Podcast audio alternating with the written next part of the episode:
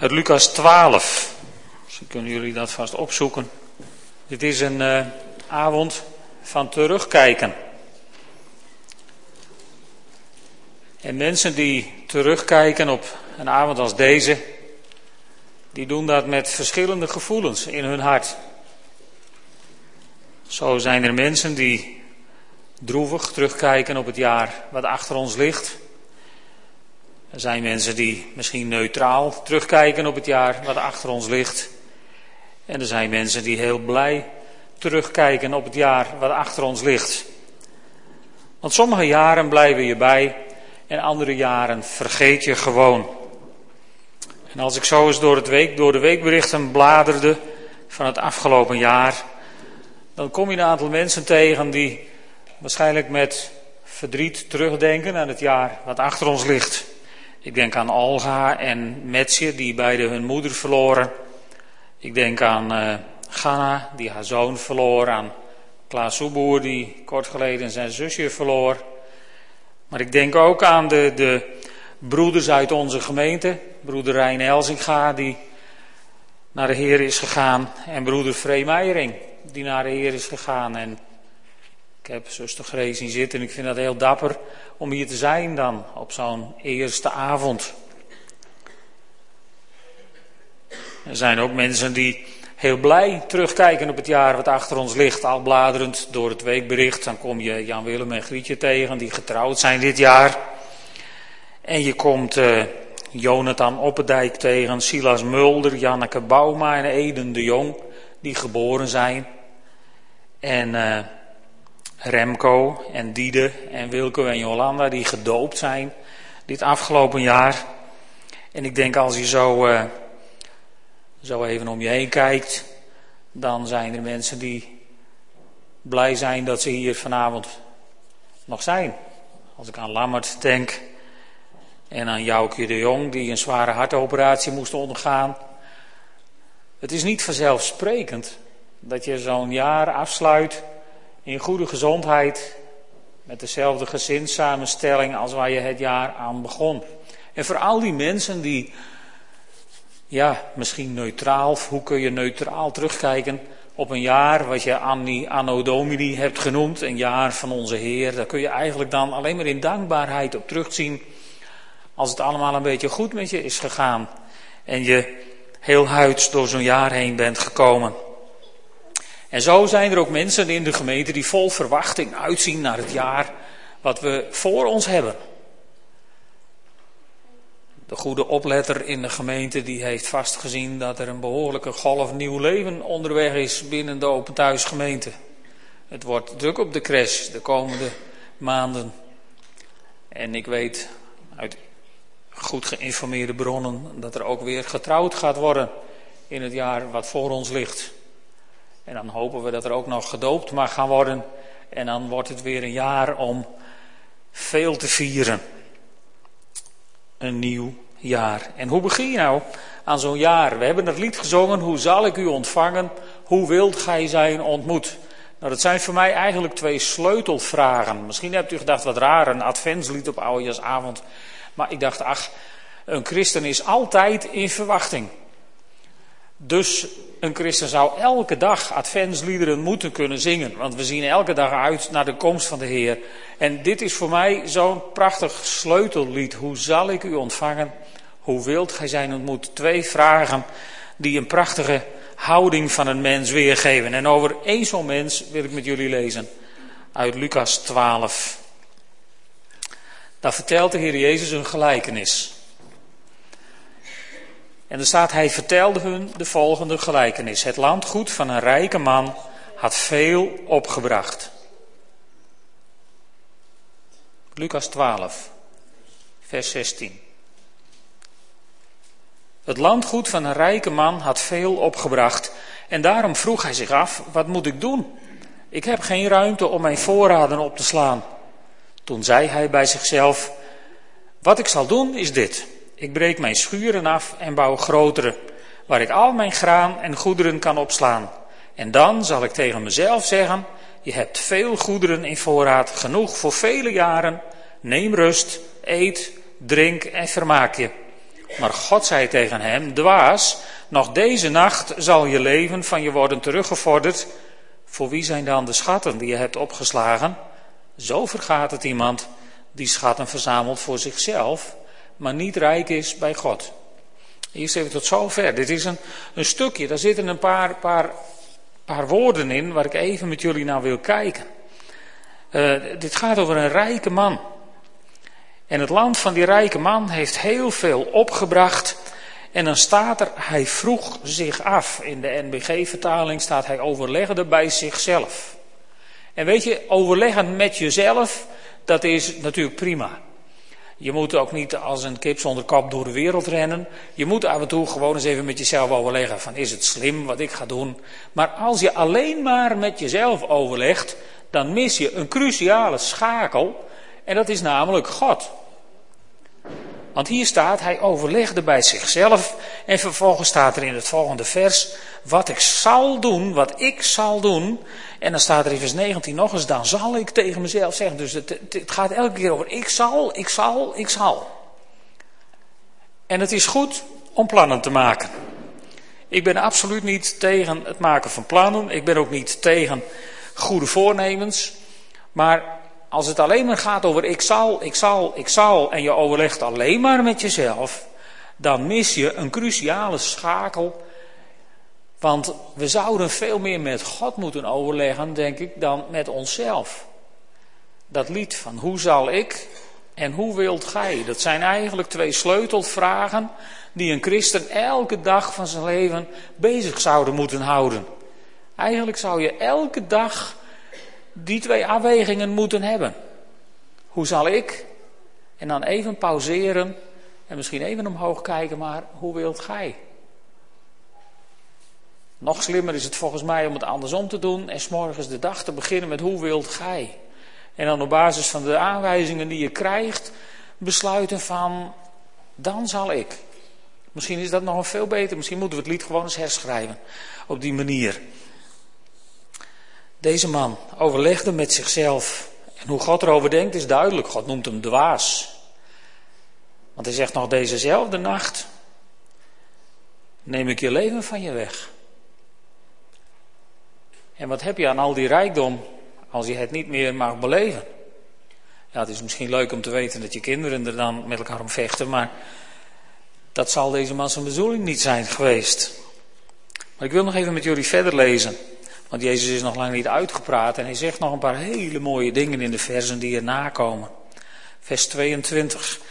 Jezus zei tegen zijn leerlingen, om deze reden zeg ik tegen jullie, maak je geen zorgen over jezelf en over wat je zult eten, nog over je lichaam en over wat je zult aantrekken. Want het leven is meer dan voedsel en het lichaam meer dan kleding. Kijk naar de raven. Ze zaaien niet en oogsten niet. Ze hebben geen voorraadkamer en geen schuur. Het is God die ze voedt. Hoeveel meer zijn jullie niet waard dan de vogels? Wie van jullie kan door zich zorgen te maken één L aan zijn levensduur toevoegen? Als jullie dus zelfs het geringste al niet kunnen, waarom maken jullie je dan zorgen over de rest? Kijk naar de lelies, kijk hoe ze groeien. Ze werken niet en weven niet. Ik zeg jullie zelfs, Salomo ging in al zijn luister niet gekleed als één van hen. Als God het groen dat vandaag nog op het veld staat en morgen in de oven gegooid wordt, al met zoveel zorg kleedt, met hoeveel meer zorg zal Hij jullie dan niet kleden, kleingelovigen? Ook, jullie, ook moeten jullie niet nadenken over wat je zult eten en wat je zult drinken. En jullie moeten je niet door zorgen laten kwellen. De volken van deze wereld jagen die dingen na. Maar jullie vader weet dat je ze nodig hebt. Zoek liever zijn koninkrijk en die andere dingen zullen je erbij gegeven worden.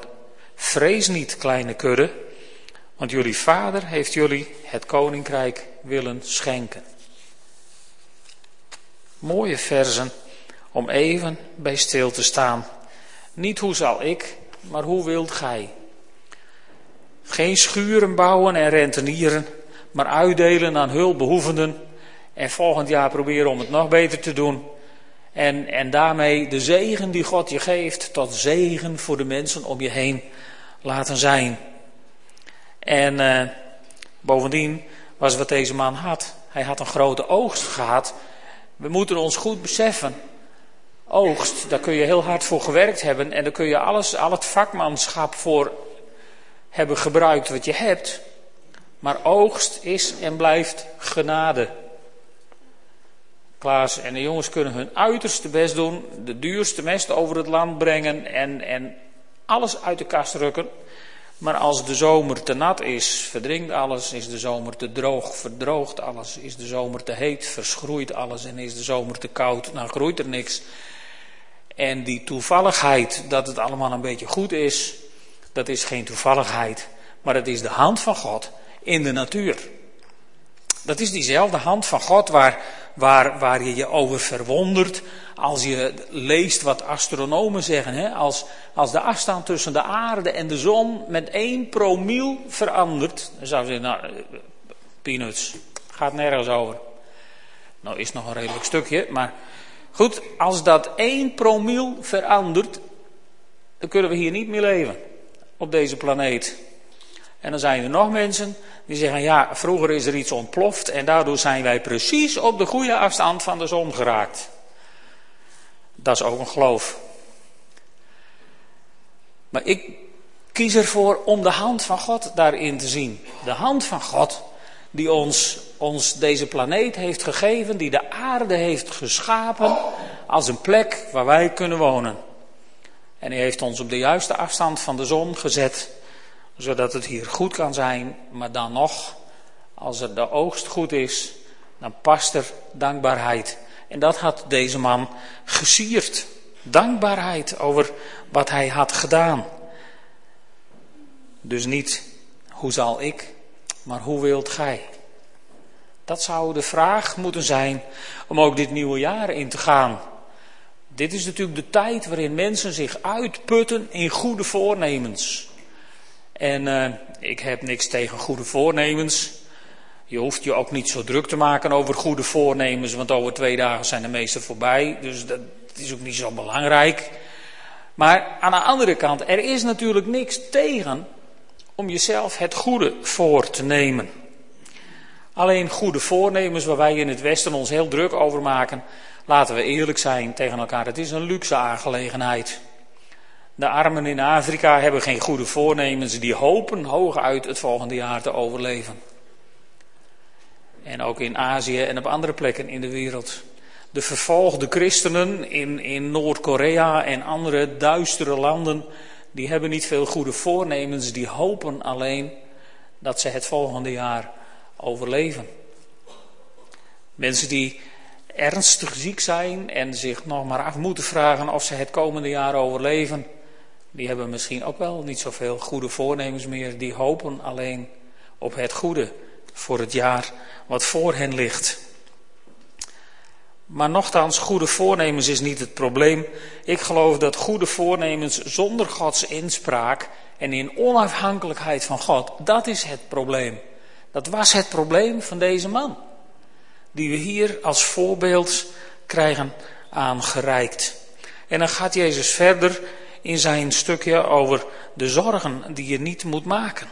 Want er zijn ook vast mensen op zo'n avond als deze die zich afvragen: wat zal ik doen? Wat zal ik doen? Uit, uit angst. En misschien denken sommige mensen van help, wat moet ik doen om het komende jaar door te komen? Help, hoe krijg ik de touwtjes aan elkaar geknoopt in het jaar wat voor ons ligt? Want laten we eerlijk zijn, je zult je baan verloren zijn door de crisistijd die we hebben, of misschien nog dreigen te verliezen in de tijd die we voor ons hebben. Ik kan me voorstellen dat er dus mensen zitten, ook hier en, en anders in onze omgeving, die zich best wel wat zorgen maken over het jaar wat we voor ons hebben.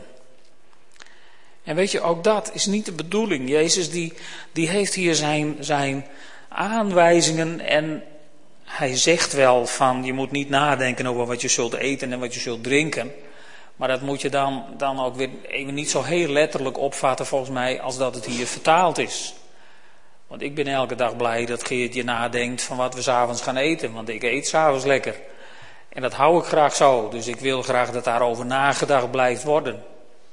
En de meeste van jullie ook wel, denk ik. Want ach, lekker eten, dat doen we allemaal graag, zolang het nog kan.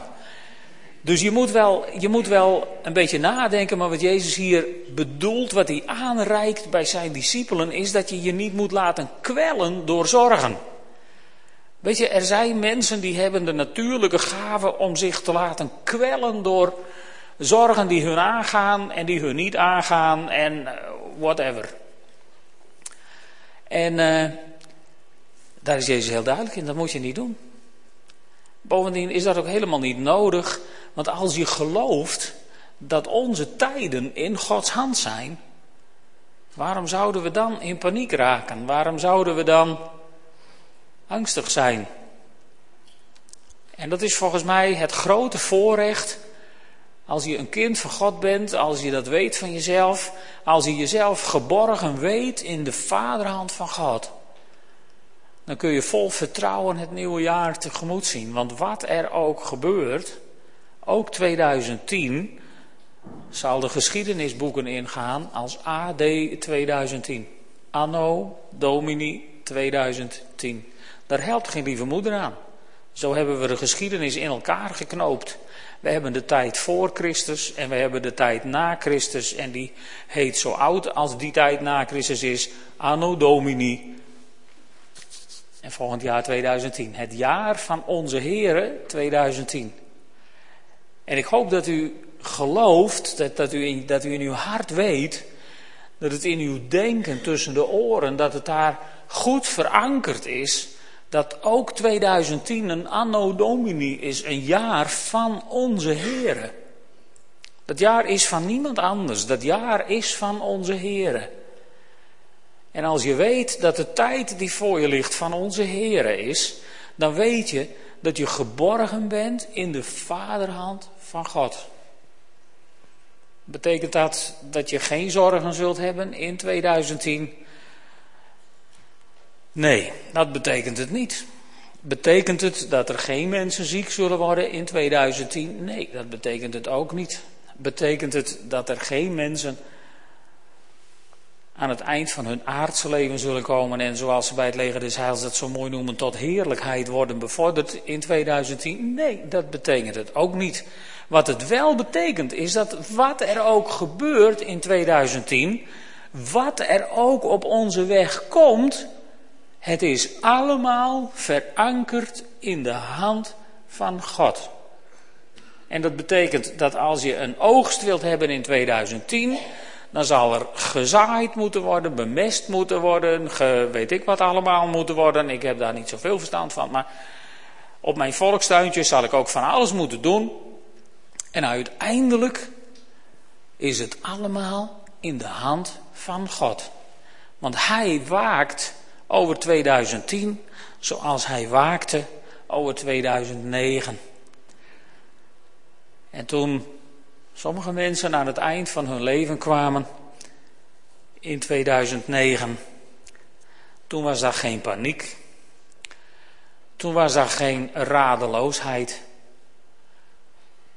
Toen was daar voor degenen die erbij waren even een blik, alsof je even mee kon kijken door de deur waar ze heen gingen. Het was goed. Het was goed. De hand van God was erin. De genade van God was zichtbaar aanwezig. De rust en de vrede van de Allerhoogste was in de harten van familie, van mensen die er dichtbij stonden. Ook toen Lammert zo ziek was, was er een rust, was er een vrede of niet. Er was een kracht van God zichtbaar aanwezig. Dus ook in de slechte dingen die we hebben moeten meemaken in 2009, was daar die machtige vaderhand van God. En daarom is het goed om zo op Oudejaarsavond aan het eind van zo'n Anno Domini, aan het eind van zo'n jaar van onze Heren, een kort moment bij elkaar te komen. Zo bijna aan de voet van het kruis, zou je zeggen, om daar het oude jaar achter te laten en daar ook een nieuw jaar met zicht op dat kruis weer tegemoet te treden. Er is geen betere jaarwisseling in mijn ogen dan een jaarwisseling waarin even dat contact met de hemel er is. Even dat moment Hoe zal ik, oh nee, wacht even, Heer, hoe wilt gij? Heer, hoe wilt gij 2010 met ons ingaan? Wat mogen wij voor u betekenen in 2010? Wat hebt u voor ons in petto in 2010? Waar zou u ons ingezet willen hebben in 2010? Want Heere God, we gaan een nieuw jaar in. En Wim Kan die gaf het altijd zo mooi aan dat we over de drempel stapten. Nou, dat doen we dan misschien ook wel. Aan de andere kant is natuurlijk een jaarwisseling ook een menselijke uitvinding. Maar goed, het is, het is goed om, om op dit soort momenten van menselijke uitvinding even stil te staan bij de God die de tijden heeft gemaakt. Toen hij in Genesis 1 de zon ophing en hem een setje gaf zodat hij met een zekere snelheid ging draaien, toen heeft hij bepaald de duur van onze jaren. Dus eigenlijk is het toch weer het werk van God dat er nu een jaarwisseling is.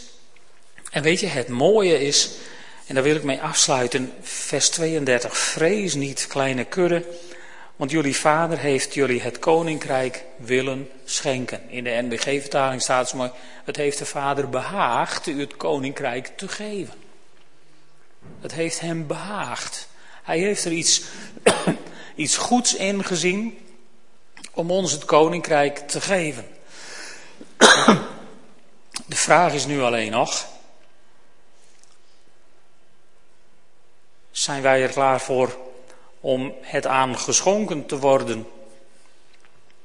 Ik denk dat God heel veel goede dingen wil geven aan mensen en dat hij heel vaak op weg is met goede dingen om bij mensen achter te laten. Maar dat wij het vaak zo druk hebben dat we geen tijd hebben om het aan te nemen. De Vader heeft ons het koninkrijk willen geven. En uh, misschien zeg je nou, daar is in mijn leven in 2009 niet zoveel van terechtgekomen. Dan wil ik je troosten. Er ligt een anno domini 2010 voor ons om het beter te doen. En om meer van Gods koninkrijk te beleven in je eigen leven, in je gezin, in je werk, in je bedrijf, wherever. 2010 staat voor de deur. Het is een jaar van onze Heren. En God wil je nog steeds het koninkrijk geven. En als je denkt van nou ja, maar we wachten toch ook op de terugkomst van de Heer Jezus. Ja, ook dat is een onderdeel van het koninkrijk wat God ons wil geven. We zien uit en we hebben dat gezongen in dat lied. Nog eenmaal zal hij komen. Ik heb een iets oudere vertaling hier, maar het komt op hetzelfde neer. Nog eenmaal zal hij komen als richter van het heelal. Die het moede hoofd der vromen voor eeuwig kronen zal. En nog is die dag verborgen. Wacht hem gelovig af. Terwijl de grote morgen reeds schemert boven het graf. Ik zou er bijna bij willen zeggen met een ander kerstliedje, het dagert in het oosten. Je moet het even willen zien. Je moet misschien af en toe eens even naar het oosten kijken op de televisie en in de krant. En misschien eens via een fatsoenlijk christelijk blad. Wat, wat je dan betrouwbare informatie geeft. Maar het dagert in het oosten. Er gebeuren dingen in het oosten. Waardoor je, waardoor je als, als bijbellezer af en toe denkt van warempel. We konden wel eens verder weg zijn dan we dachten. Eén ding is zeker, in Romeinen 13, vers 11, daar schrijft de apostel Paulus, u kent de huidige tijd. We kennen de huidige tijd. We zien allemaal televisie, we hebben allemaal misschien wel jaaroverzichten gezien en dan zit het nog weer wat scherper op je netvlies. We kennen de huidige tijd. Het moment is gekomen waarop u uit de slaap moet ontwaken, want de redding is ons meer nabij dan toen we tot geloof kwamen. Ik weet niet hoe lang het geleden is dat u tot geloof kwam, maar zoveel jaar is de redding u meer nabij dan toen je tot geloof kwam. En in ieder geval is de redding ons bijna 2000 jaar dichterbij gekomen dan toen de apostel Paulus dit schreef. Nou, is dat niet iets om vol verwachting uit te zien naar het jaar dat we voor ons hebben?